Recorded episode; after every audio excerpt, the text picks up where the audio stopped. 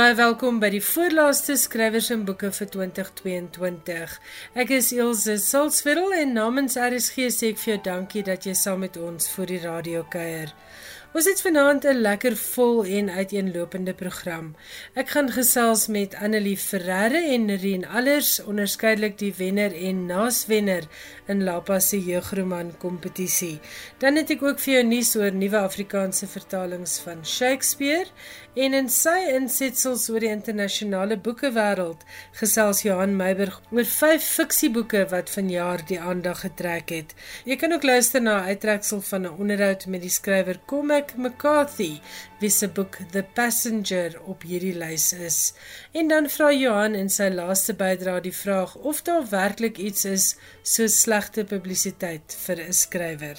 Nou ja, vir die antwoord daarvoor bly gerus ingeskakel. Ek hoop jy geniet vanaand se skrywers en boeke.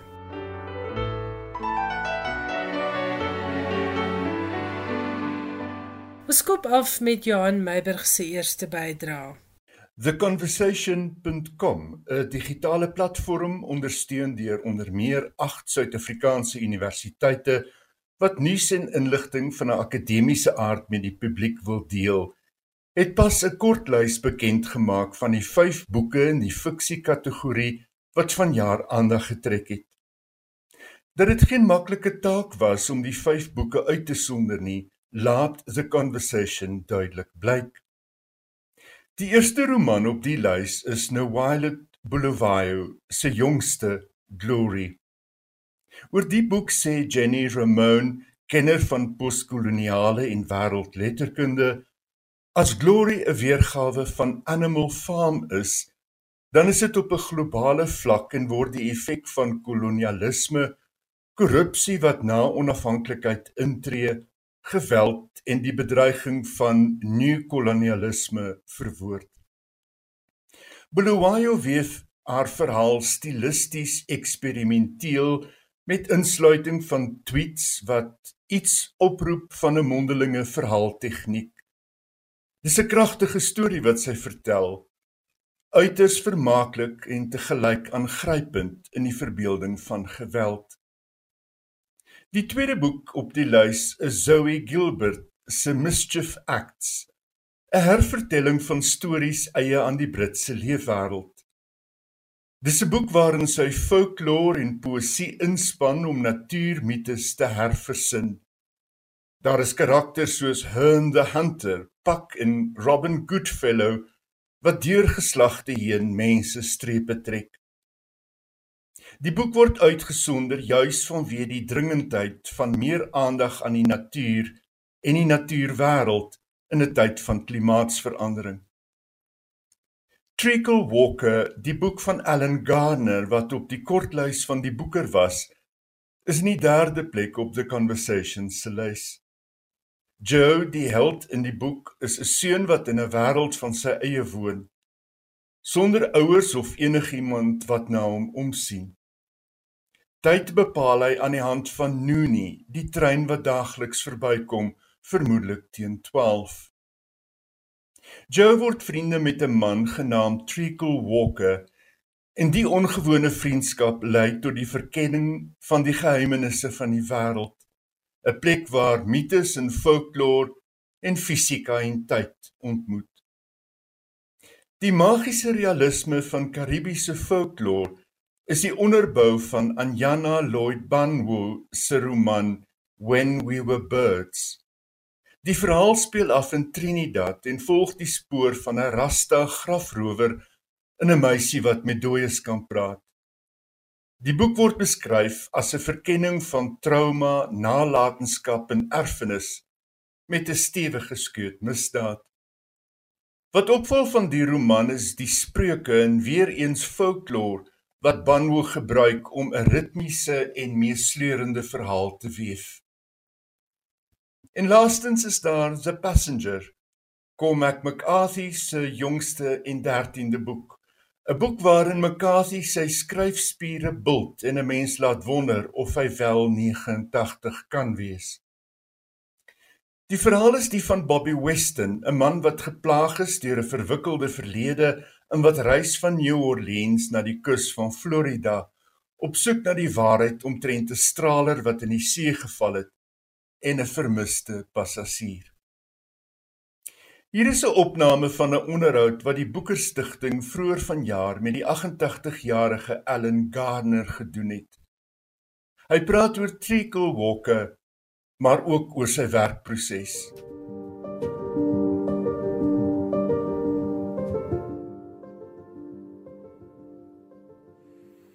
Everything I have ever read uh, is in Treacle Walker, not consciously. Um, and that is what has. I've written 10 novels, and Treacle Walker is the only one where I haven't done a great deal of conscious academic level research. With Treacle Walker, I just let it come. Um, I switched myself off. This this means that uh, I spent a lot of time asleep, a lot of time listening to music, mainly medieval and religious music, Gregorian chant, Russian church music, and staring into the fire. Now, that is weird and it sounds weird, but I know what is going on. It is switching off the external input from the from the rest of the material world around me, so that I, I don't hear uh, people talking and I don't I don't hear any noise outside my own head. It's a kind of light self hypnosis, I think what's happening, and this is my hypothesis, is that I am shutting off the conscious mind. Because one of the results of having been a writer for so long, I've been writing for 66 years and three weeks, is that um, I've got a model in my mind. It may not work, but it works for me. And it's this that the conscious mind, the intellect, is a very fine editor, but it never had an original idea in its life. And creativity is done at an unconscious level by the unconscious mind the part of the mind that dreams, daydreams, and just loses itself. And that's where the ideas come from. They appear to be spontaneous when they arrive, but I, I know that they're not. They, they, they've just been working their way to the surface, and I have been letting them come by not trying to think of the story. It's a matter of trust. Uh, it, it's rather like the high trapeze. The the flyer is the one that uh, everybody applauds, but it's the catcher who who makes all the difference. The catcher is never noticed, uh, but if the catcher doesn't get it right, in this case the unconscious mind, then the flyer is going to flop and there'll be no story. But that's how it works for me. I would never tell anybody how to write. En so gesels die 89-jarige Comic McCarthy oor 'n leeftyd van skrywer wees. Dankie Johan Meiburg. Skrywers en boeke. Alles wat jy oor die boekewêreld wil weet en meer. Dis vir my baie lekker om vanaand weer vir Annelie Ferreira hier by Skrywers en Boeke te verwelkom.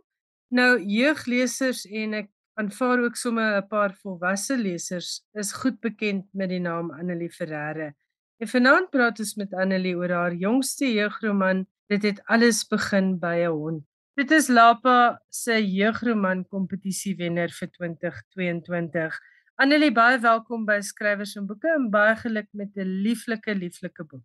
Baie dankie Ilse. Ek het die boek vreeslik geniet juis omdat dit honde, jong mense interessante Suid-Afrikaanse kwessies en universele lesse in het sonder om ooit prekerig te raak. neem jy jong lesers en dan in my geval 'n nie so jong leser op 'n wonderlike ontsnapping vir 'n paar uur van die realiteit. Vertel vir ons van die storie agter dit het alles begin by 'n hond. Ilse, ek het uh in 'n stadium kortverhale geskryf. Ek het ek was 'n bietjie uitgebrand vir vir romans. Ek was nie lus vir so 'n lang projek nie. Toe begin ek kortverhale skryf, jeugverhale. Maar dit is daar is nie 'n behalwe as jy nou baie bekend en gewild is, is daar nie 'n mark vir 'n bundel kortverhale deur 'n enkele skrywer nie. Daar is 'n uh, wel 'n mark vir versamelings van kortverhale van verskillende skrywers. Maar dit het my nou nie afgesit nie. Ek het nou maar geskryf my kortverhale net om iets aan die gang te kry en weet ek te te te voel ek voltooi iets. Maar dit dit dit het nie gewerk nie.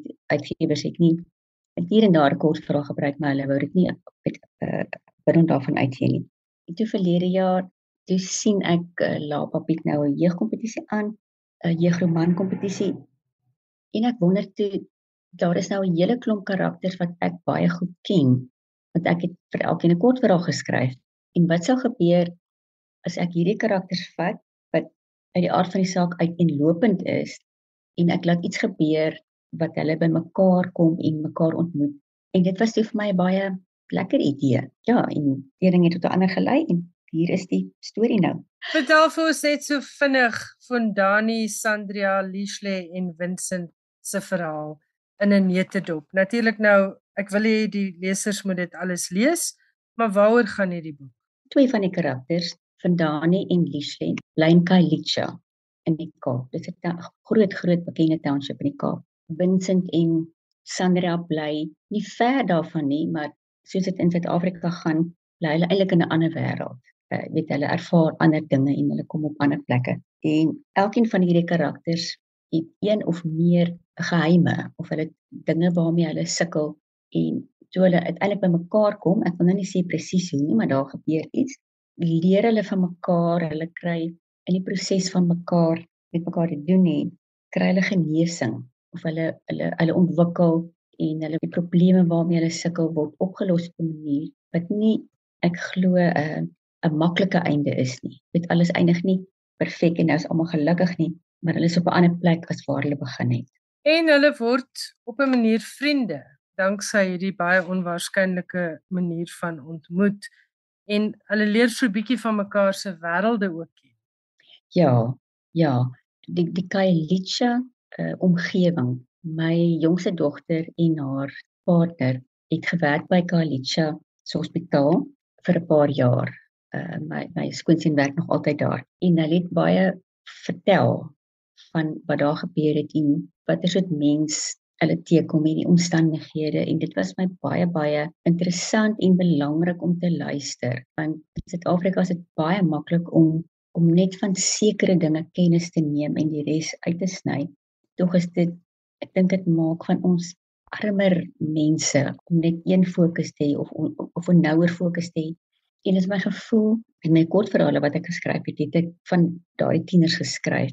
Ek dink storie is 'n wonderlike wonderlike manier om die leser bekend te stel aan mense wat hulle nie in hulle normale lewe se ontmoet nie, maar wat op die ou end soos hulle is.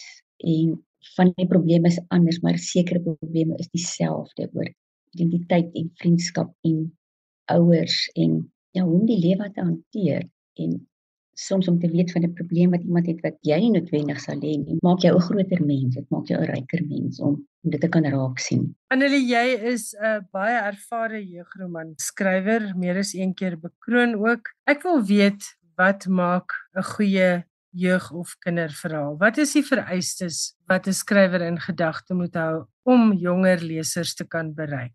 Jose, vir my wil ek vir die leser gee wat ek self graag wil hê. So ek wil 'n lekker storie hê, een wat ek nie kan neersit nie, wat ek moet weet wat gebeur het met die karakters, moet ek omgee vir die karakters omdat hulle so lewendig vir my raak. Dit dit vir my regtig belangrik is om om te weet wat met hulle gebeur. Ek soek ook verhale wat my bietjie buite my gemaksone neem. Nie net gaan oor die wêreld wat vir my bekend is nie, maar net my wêreld 'n bietjie groter maak en interessanter maak en dinge waaroor ek nuuskierig is vir my kan leer. En dan die beste boeke en ek weet nie of mense altyd selfs al probeer ek om te skryf, weet ek nie of ek sou reg kry nie. Ek dink dit is maar gelukkig as dit gebeur. Maar die beste boeke dink ek dit verander jou. As jy dit klaar gelees het, is jy 'n ander mens as wat jy was voor jy die boek gelees het. En daardie boek is vir my, dit staan vir my uit, dis my die lekker, die lekkerste boeke. Dit is ontspanningsboeke en dan die boeke wat jou na 'n ander wêreld neem en dan die boeke wat jou 'n ander mens maak. Jy was 'n taalpraktisyn, joernalis, subredakteur by Sanlam se taaldienskantoor en ook by Iman en Resa uitgewers vir 'n paar jaar. En toe begin jy skryf aan jeugverhale. Hoekom spesifiek jeugfiksie? Ja, dit het heeltemal toevallig gebeur. Ek het heelwat nie fiksie geskryf met 'n paar boeke en artikels en so aan. En dit ek lus geraak vir fiksie en ek het 'n verhaal begin skryf wat ek gedink het 'n volwasse roman is, maar toe die keerders dit onder oë kry, toe hulle baie duidelik daaroor dit is 'n jeugroman. En toe het ek gedink, o, goed as ek nou per ongeluk 'n jeugroman kan skryf, ek hou nogal van die van die elemente van die storie. Dalk as ek nou probeer om 'n jeugroman te skryf, sou dit lekker wees. En dit is maar soos dit gebeur het en toe het ek ehm um, met stories geskryf vir skole en nog 'n klompie jeugromans uh, dit is vir my 'n lekker genre. Ek is mal oor tieners en jong mense en kinders. Hulle is nog baie oop en vars en daar so baie potensiaal in hulle. Goed, wat is die een ding wat 'n mens nie moet doen as jy kinder- of jeugboeke skryf? Jy moet asseblief nie preek nie. maar dis 'n fyn balans, né? Dit iets sinvol en diep oor te dra sonder om te preek.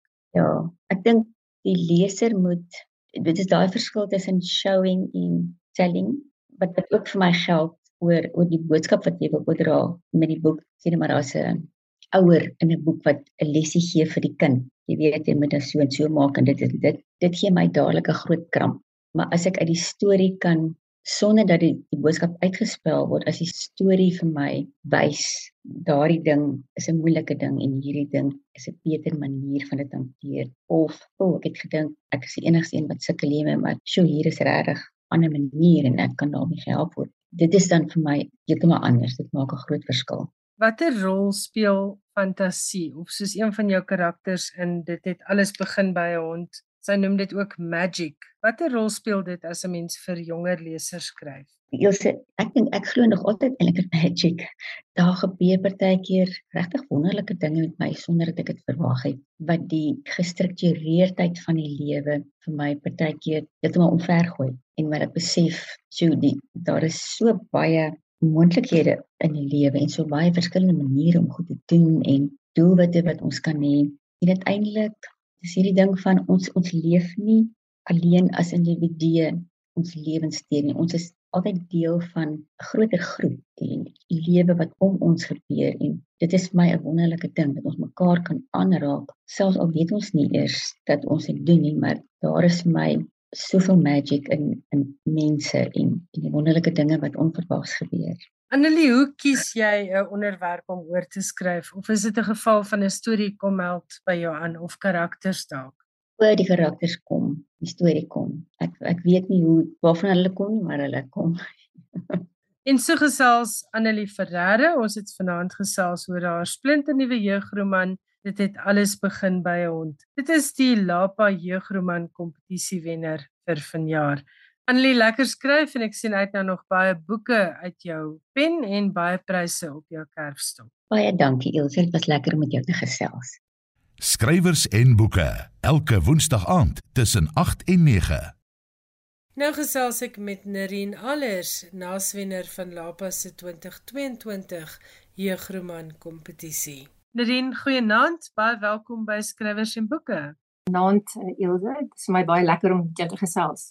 Ons gesels vanaand na aanleiding van jou onlangse boek Die verdwyning van Seamus Smith deur Seamus Smith en dit was 'n naswenner in Lapa se jeugroman kompetisie, 'n boek wat ek verskriklik geniet het, 'n klomp fantasie daarin en 'n heerlike heerlike verhaal vir jong lesers.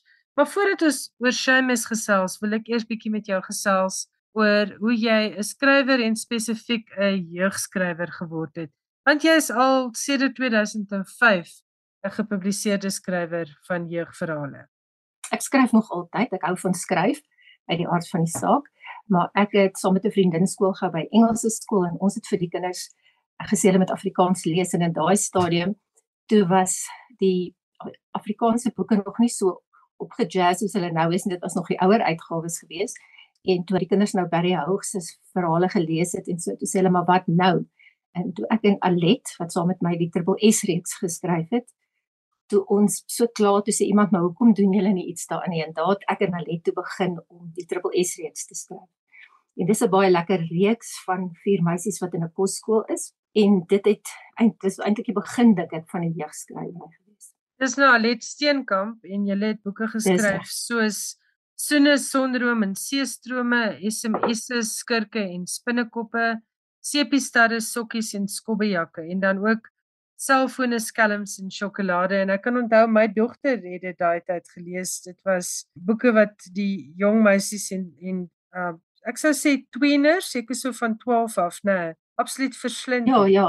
Dit ja, dit hang af hoe hoe volwasse as jy so kan sê jou leser is een van ons groot aanhangers onthou ek was in graad 3 gewees. Dis was 'n kind wat vir ons die prentjies geteken het van die stories en vir ons aangestuur het. Ehm so dit hang maar van van die leser af. In daai reeks, dis eerstens vriendskap. En vriendskap is vir my baie belangrik want die vriendekring vir jou jonger leser is ongelooflik belangrik en ek dink dit dit dit eindig nie regtig nie. So vriendskap en dan skool, kosskool, um, alle rande omdeende dinge of krisisse wat wat met jou gebeur en dan natuurlik in elke boek het ons avontuur. So selfs in die triple S'e het ons in, in die triple S'e is as gevolg van die feit dat elke boek se titel het drie S'e, so self en skelm sjokolade en so. Maar ons probeer om daai elemente daarin te kry. Voordat ons begin skryf het, het ons vreeslik rondgelees. Ons het alles gelees wat ons in hande kan lê. Um jeugboeke en toe het ons gaan kyk wat is die elemente wat vir ons uitstaan, wat is vir ons belangrik en dit was die elemente wat wat ons geïdentifiseer het.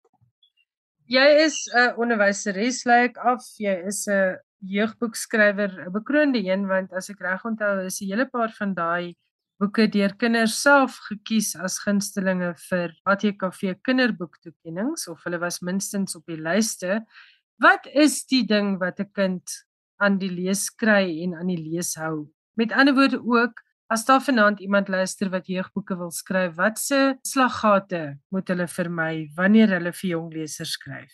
Sjoe, ja, dit is nou 'n moeilike ding watter slaggate om te vermy. Kom ek begin van 'n kant. Ek dink die belangrike ding is om te gaan kyk waar stel die kinders belang.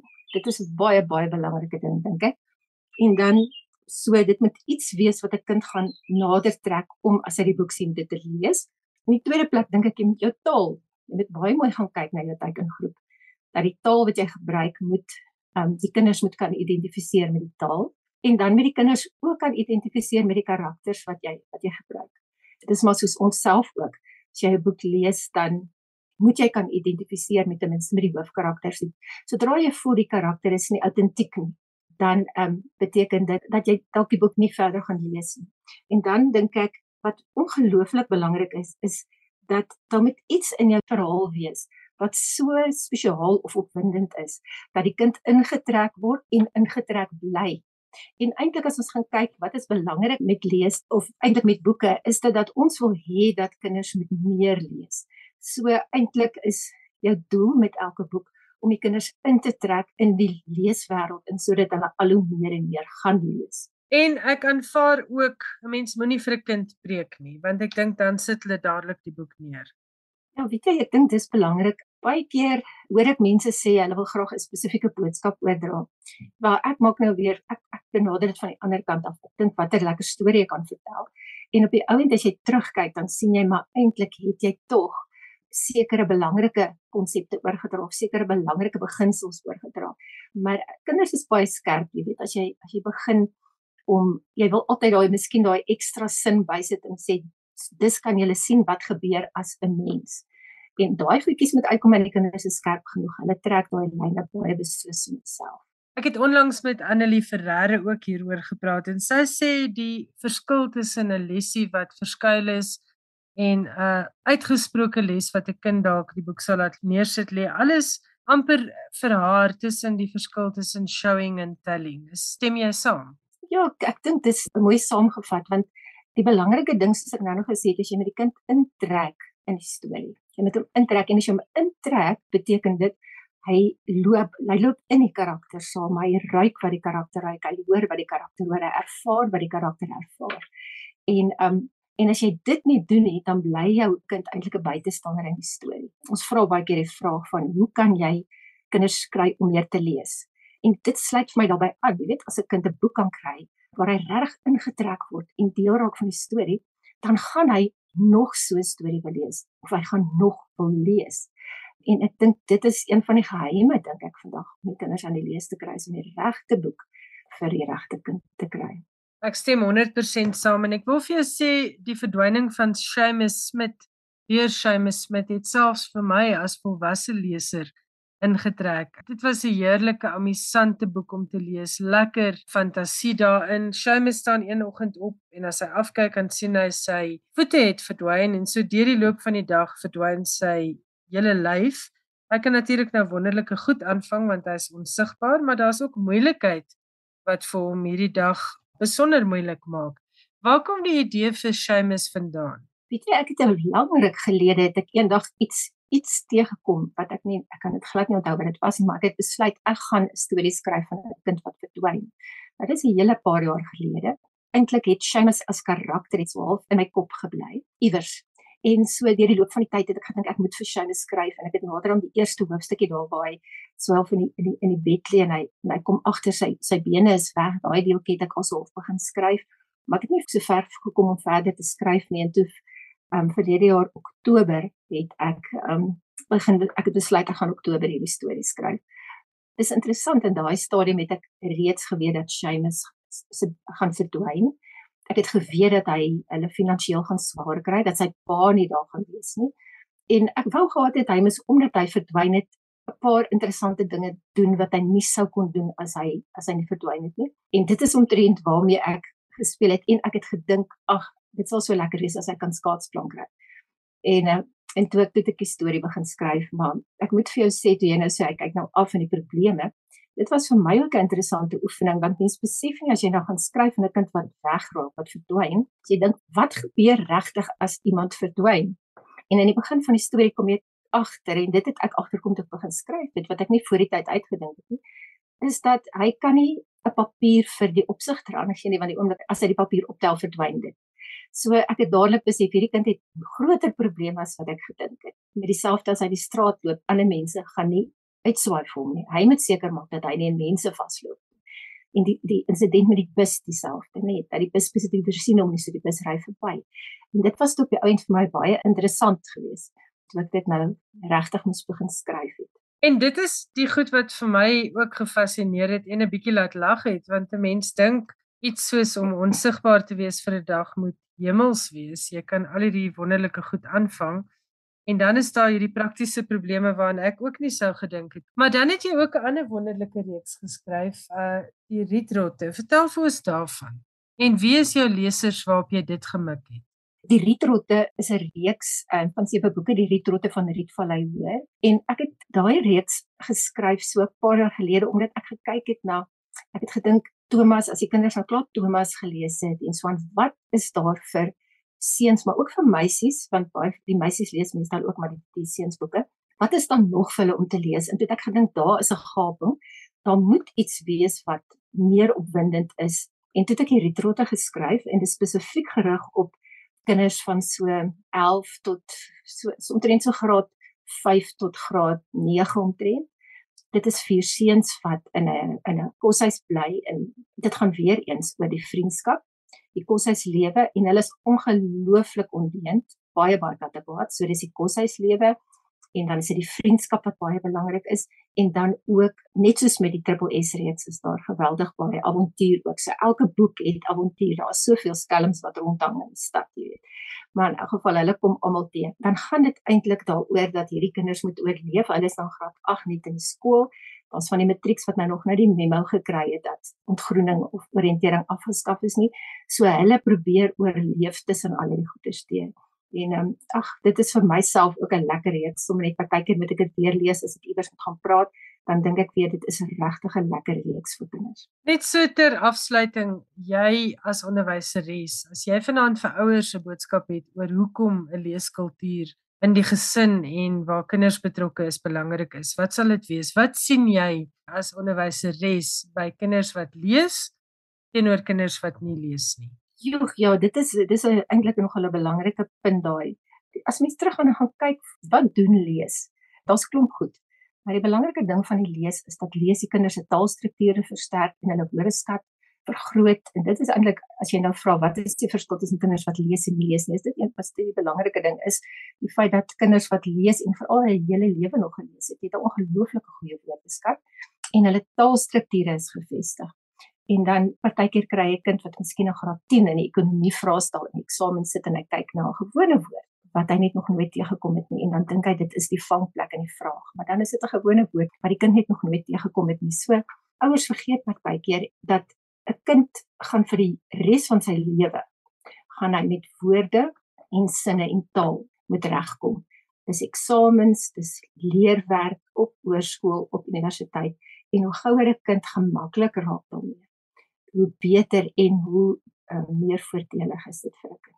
En wat jy nou sê is so waar want dit hou ook nie daarop nie as jy eendag 'n sakevoorlegging moet doen en daar's woorde in wat jy nie ken nie of jy werk in 'n werk waarin jy moet kommunikeer en daar's vreemde woorde dan is selfs werk ja. vir jou moeilik. En dan praat ons nog nie oor die wêreld, daai kind se wêreld wat so absoluut 'n nuwe wêreld wat telkens in storie voor hom oopvou nie, nê. Iets nuuts wat 'n nuwe wêreld wat hy eintlik betree as een van die karakters.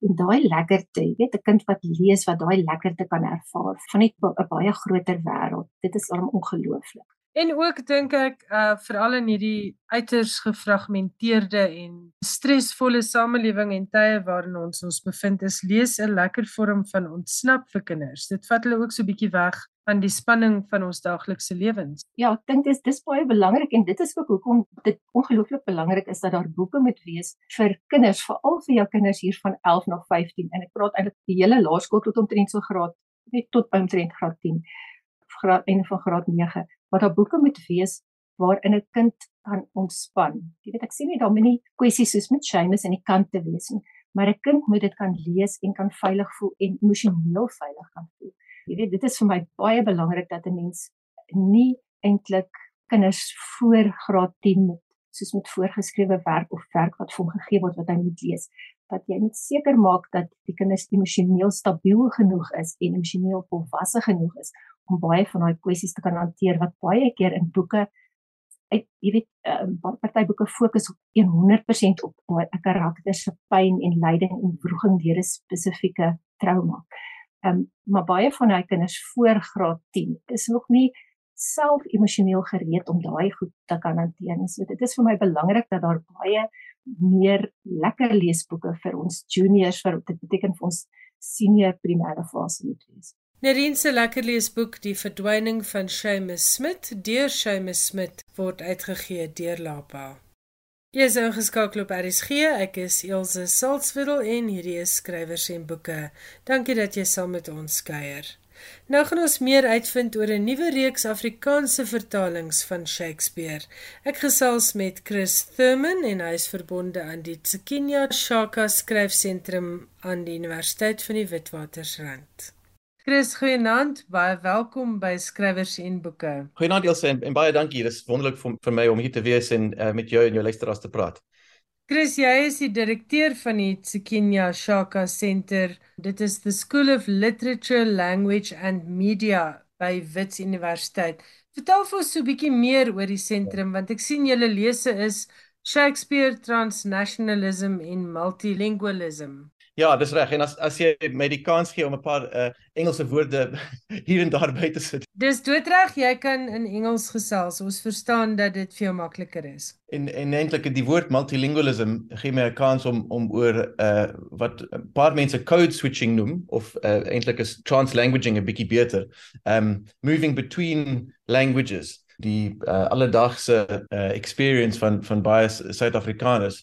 And that's what we do. We move between languages. And so uh, what we like to encourage through the work of the Tsikinya Shaka Center is to um, support uh, teachers school learners theater makers filmmakers translators to engage with Shakespeare uh, in exactly that way by moving between languages and affirming South Africa's languages as languages of cultural production and and teaching and learning in the classroom. En hoekom Shakespeare? Wat het julle laat besluit om spesifiek op Shakespeare te fokus? Ja, dis 'n bietjie van 'n um ek weet nie of of die Afrikaanse woord paradox is nie, 'n paradox. Want as mense aan Shakespeare dink, dink hulle aan aan Engels.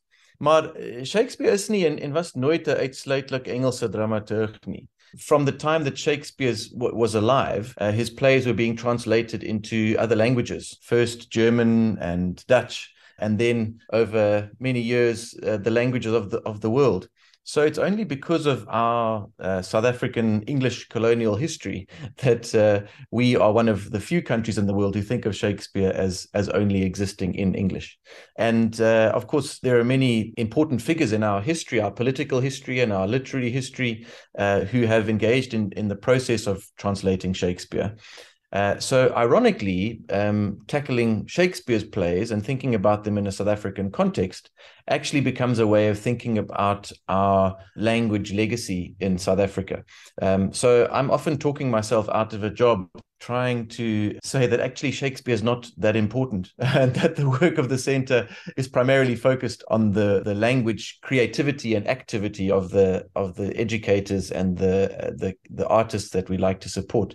But of course uh, in fact Shakespeare is the focus precisely because Shakespeare is actually around the world a multilingual phenomenon. And even the English of Shakespeare's plays in Elizabethan or Jacobean English from 400 years ago uh, was a multilingual phenomenon. It was at a time when English was drawing on many different languages to become formalized into what would become modern English. Dis alles baie interessant en ek sien julle skop nou af met 'n reeks Afrikaanse vertalings van Shakespeare. Vertel vir ons 'n bietjie daarvan en wie maak al hierdie werk moontlik want ek kan dink dat dit 'n hele paar rand moet kos. Ja, nogal. Ons is baie baie gelukkig ons borger legacy underwriting managers they've been very very uh, generous in in supporting this work and we're very very grateful to them.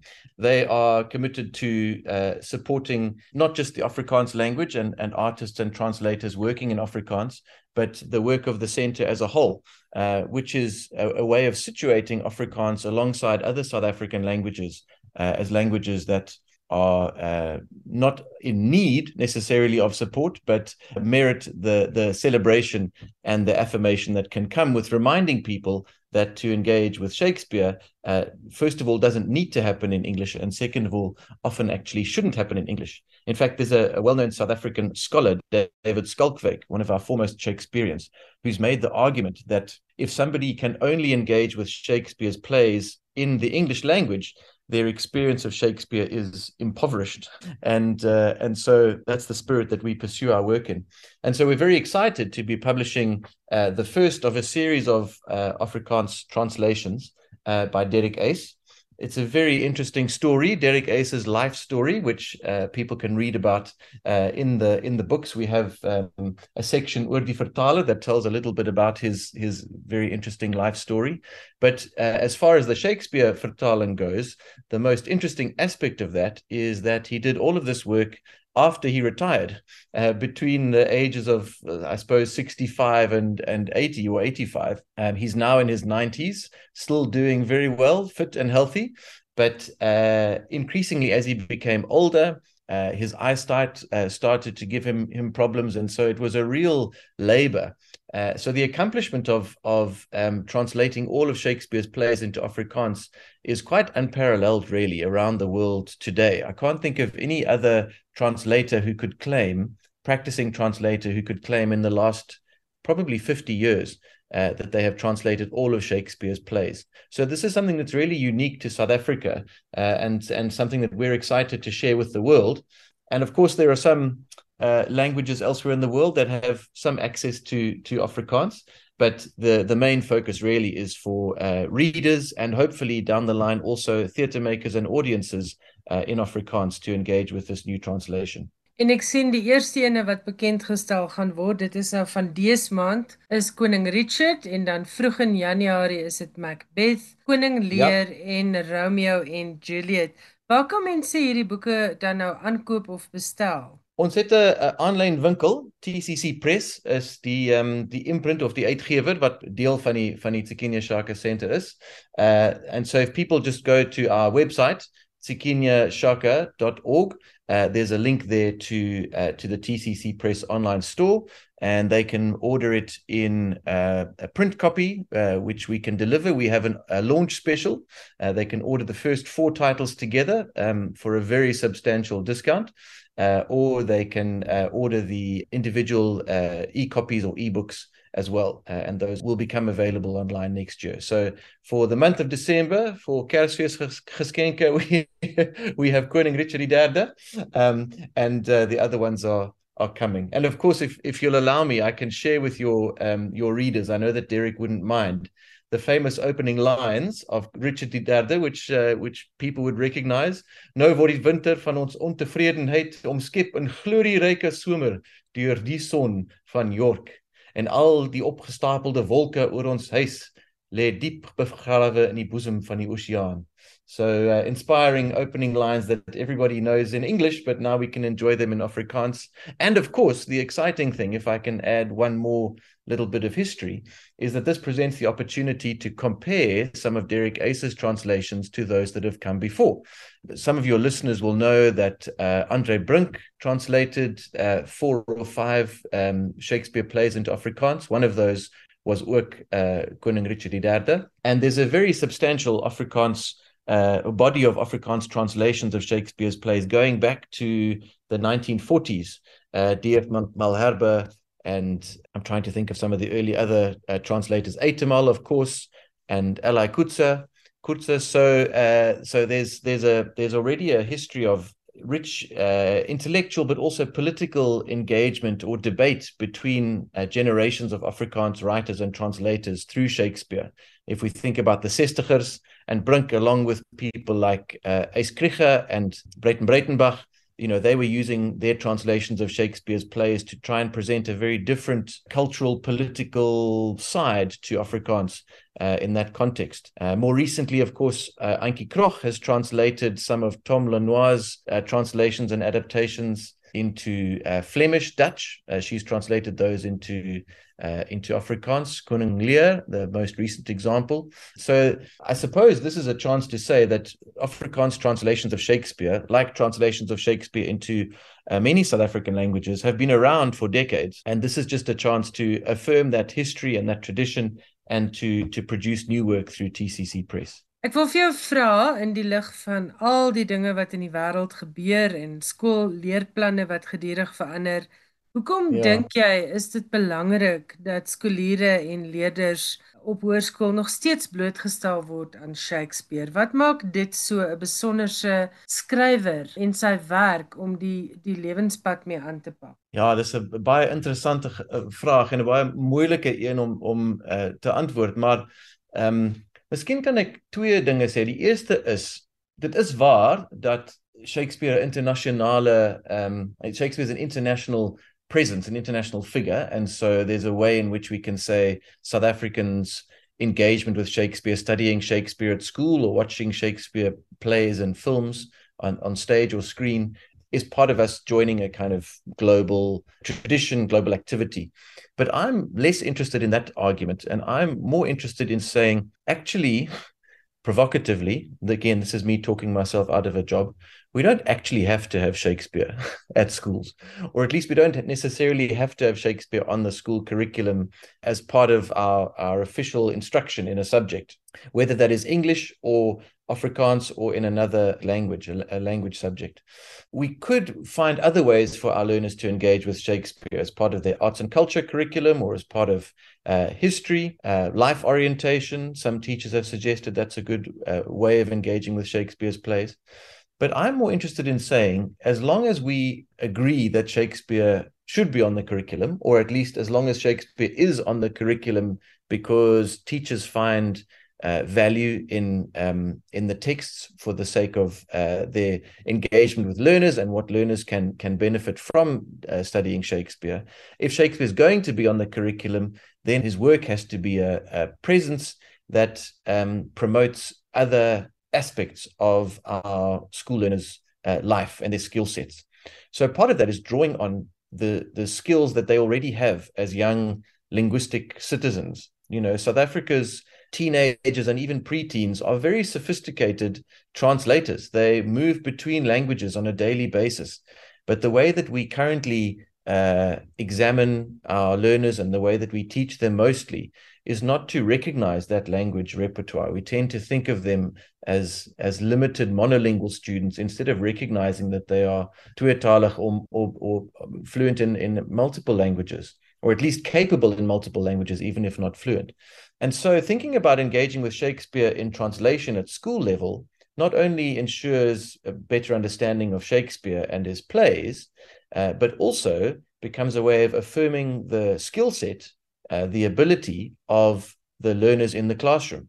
And that presents both an opportunity and a challenge to, to teachers. But beyond that, if we can make sure that learners encounter the Shakespeare at school are not just a text, but are thinking about the plays in performance and thinking about the plays uh, on stage and screen, then that becomes a much more enriching and exciting encounter. And so for me, it would be wonderful to try and produce more stage and filmic material uh, for learners to encounter or to get them to participate in performance alongside their their reading of the Shakespeare text.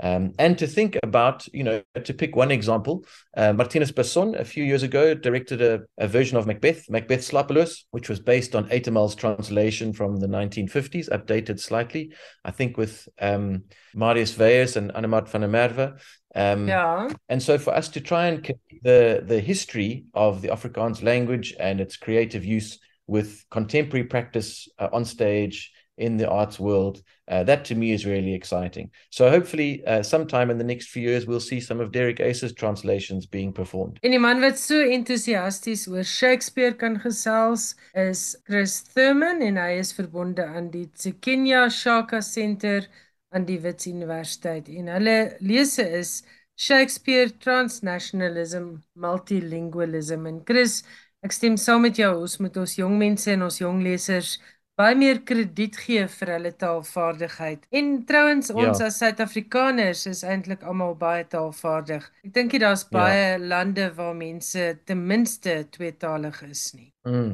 en en ek het nou 'n uh, 'n uh, 'n nuwe woord geleer taalvaardigheid wat ek elke dag gaan gebruik.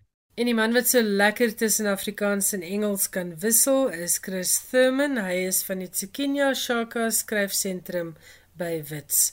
As jy meer inligting wil hê oor TCC Press Afrikaanse vertalings van Shakespeare, gaan dan na www.tsikinya.shaka.org of 'n een eenvoudiger manier wat ek ook raak gegoogel het, tik net TCC Press in op Google en dit neem jou dan na die Tsikinya Shaka webwerf en dit gee dan al die inligting oor TCC Press se Afrikaanse Shakespeare. Nou gaan Johan Meiburg vir ons die program afsluit met 'n lekker storie oor 'n slegte begin en 'n goeie einde. Die Amerikaanse skrywer Chelsea Banning se debuutroman Of Crowns and Legends het in Augustus verskyn. 'n Verlede week het sy vir 'n boekbekendstelling in Ashtabula naby Cleveland in Ohio waar sy woon, by 'n boekwinkel opgedaag. Haar verwagting was dat die meeste van die mense wat vooraf aangedui het dat hulle die bekendstelling gaan bywoon, wel sal opdaag. Net twee het opgedaag, albei vriende van haar. Sy het op Twitter stoom afgeblaas en onder meer getweet Ek's 'n klein bietjie ontstel, eerlikwaar en 'n bietjie verleë. En nou volg die lekker deel soos The Guardian berig. In haar wildste drome sou Banning nie kon voorsien dat Stephen King, Margaret Atwood en Neil Gaiman op haar Twitter-plasing hul eie nagmerrie ervaring tydens boekbekendstellings sou deel nie. By my eerste bekendstelling van Salem's Lot het ek een besoeker gehad 'n kind wat by my wou weet waar hy Nazi boeke in die hande kan kry, het King Verbanning laat weet. Salem's Lot was sy tweede roman wat in 75 verskyn het. Welkom by die klub, het Atwood laat weet. Ek het 'n bekendstelling gehad waar niemand opgedaag het nie. behalwe ou wat gemeen het ek is die assistent en op soek was na kleefband. Ek en Terry Pratchett het 'n bekendstelling in Manhattan gehad vir Good Omens en niemand het opgedaag nie, het Neil Gaiman geskryf. Jy het twee meer gehad as ek en Terry, het hy Banning gerusgestel. Pratchett en Gaiman se Good Omens het in 1990 verskyn. Nog skrywers soos Jody Picoult en David Nichols het laat weet iets soortgelyks het hulle ook al oorgekom.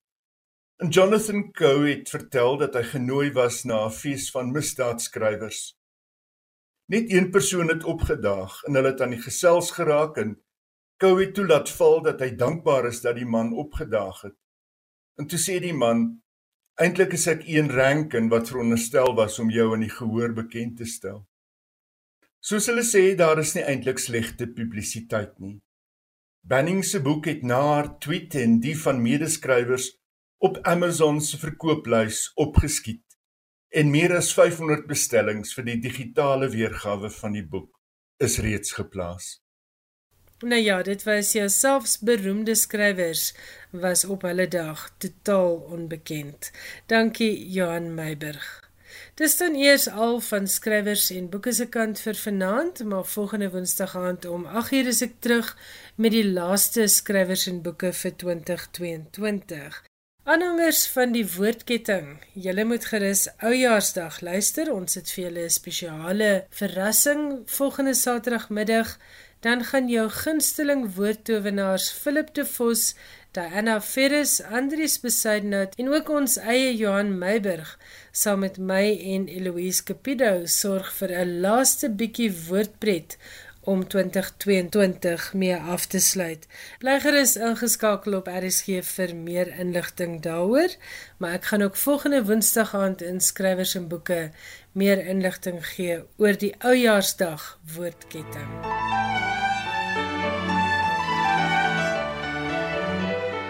En dan wens ek almal wat Kersfees vier 'n besonder geseënde Kersfees toe. En vir almal wat luister, baie dankie vir die saamkuier. Ek hoop jy het 'n heerlike feestyd. En as jy alleen is, onthou RSG is hier vir jou 24 uur per dag en dan is daar ook nog baie potgoeie om na te luister. Tot volgende week, totsiens. Mooi loop en lekker lees. Musik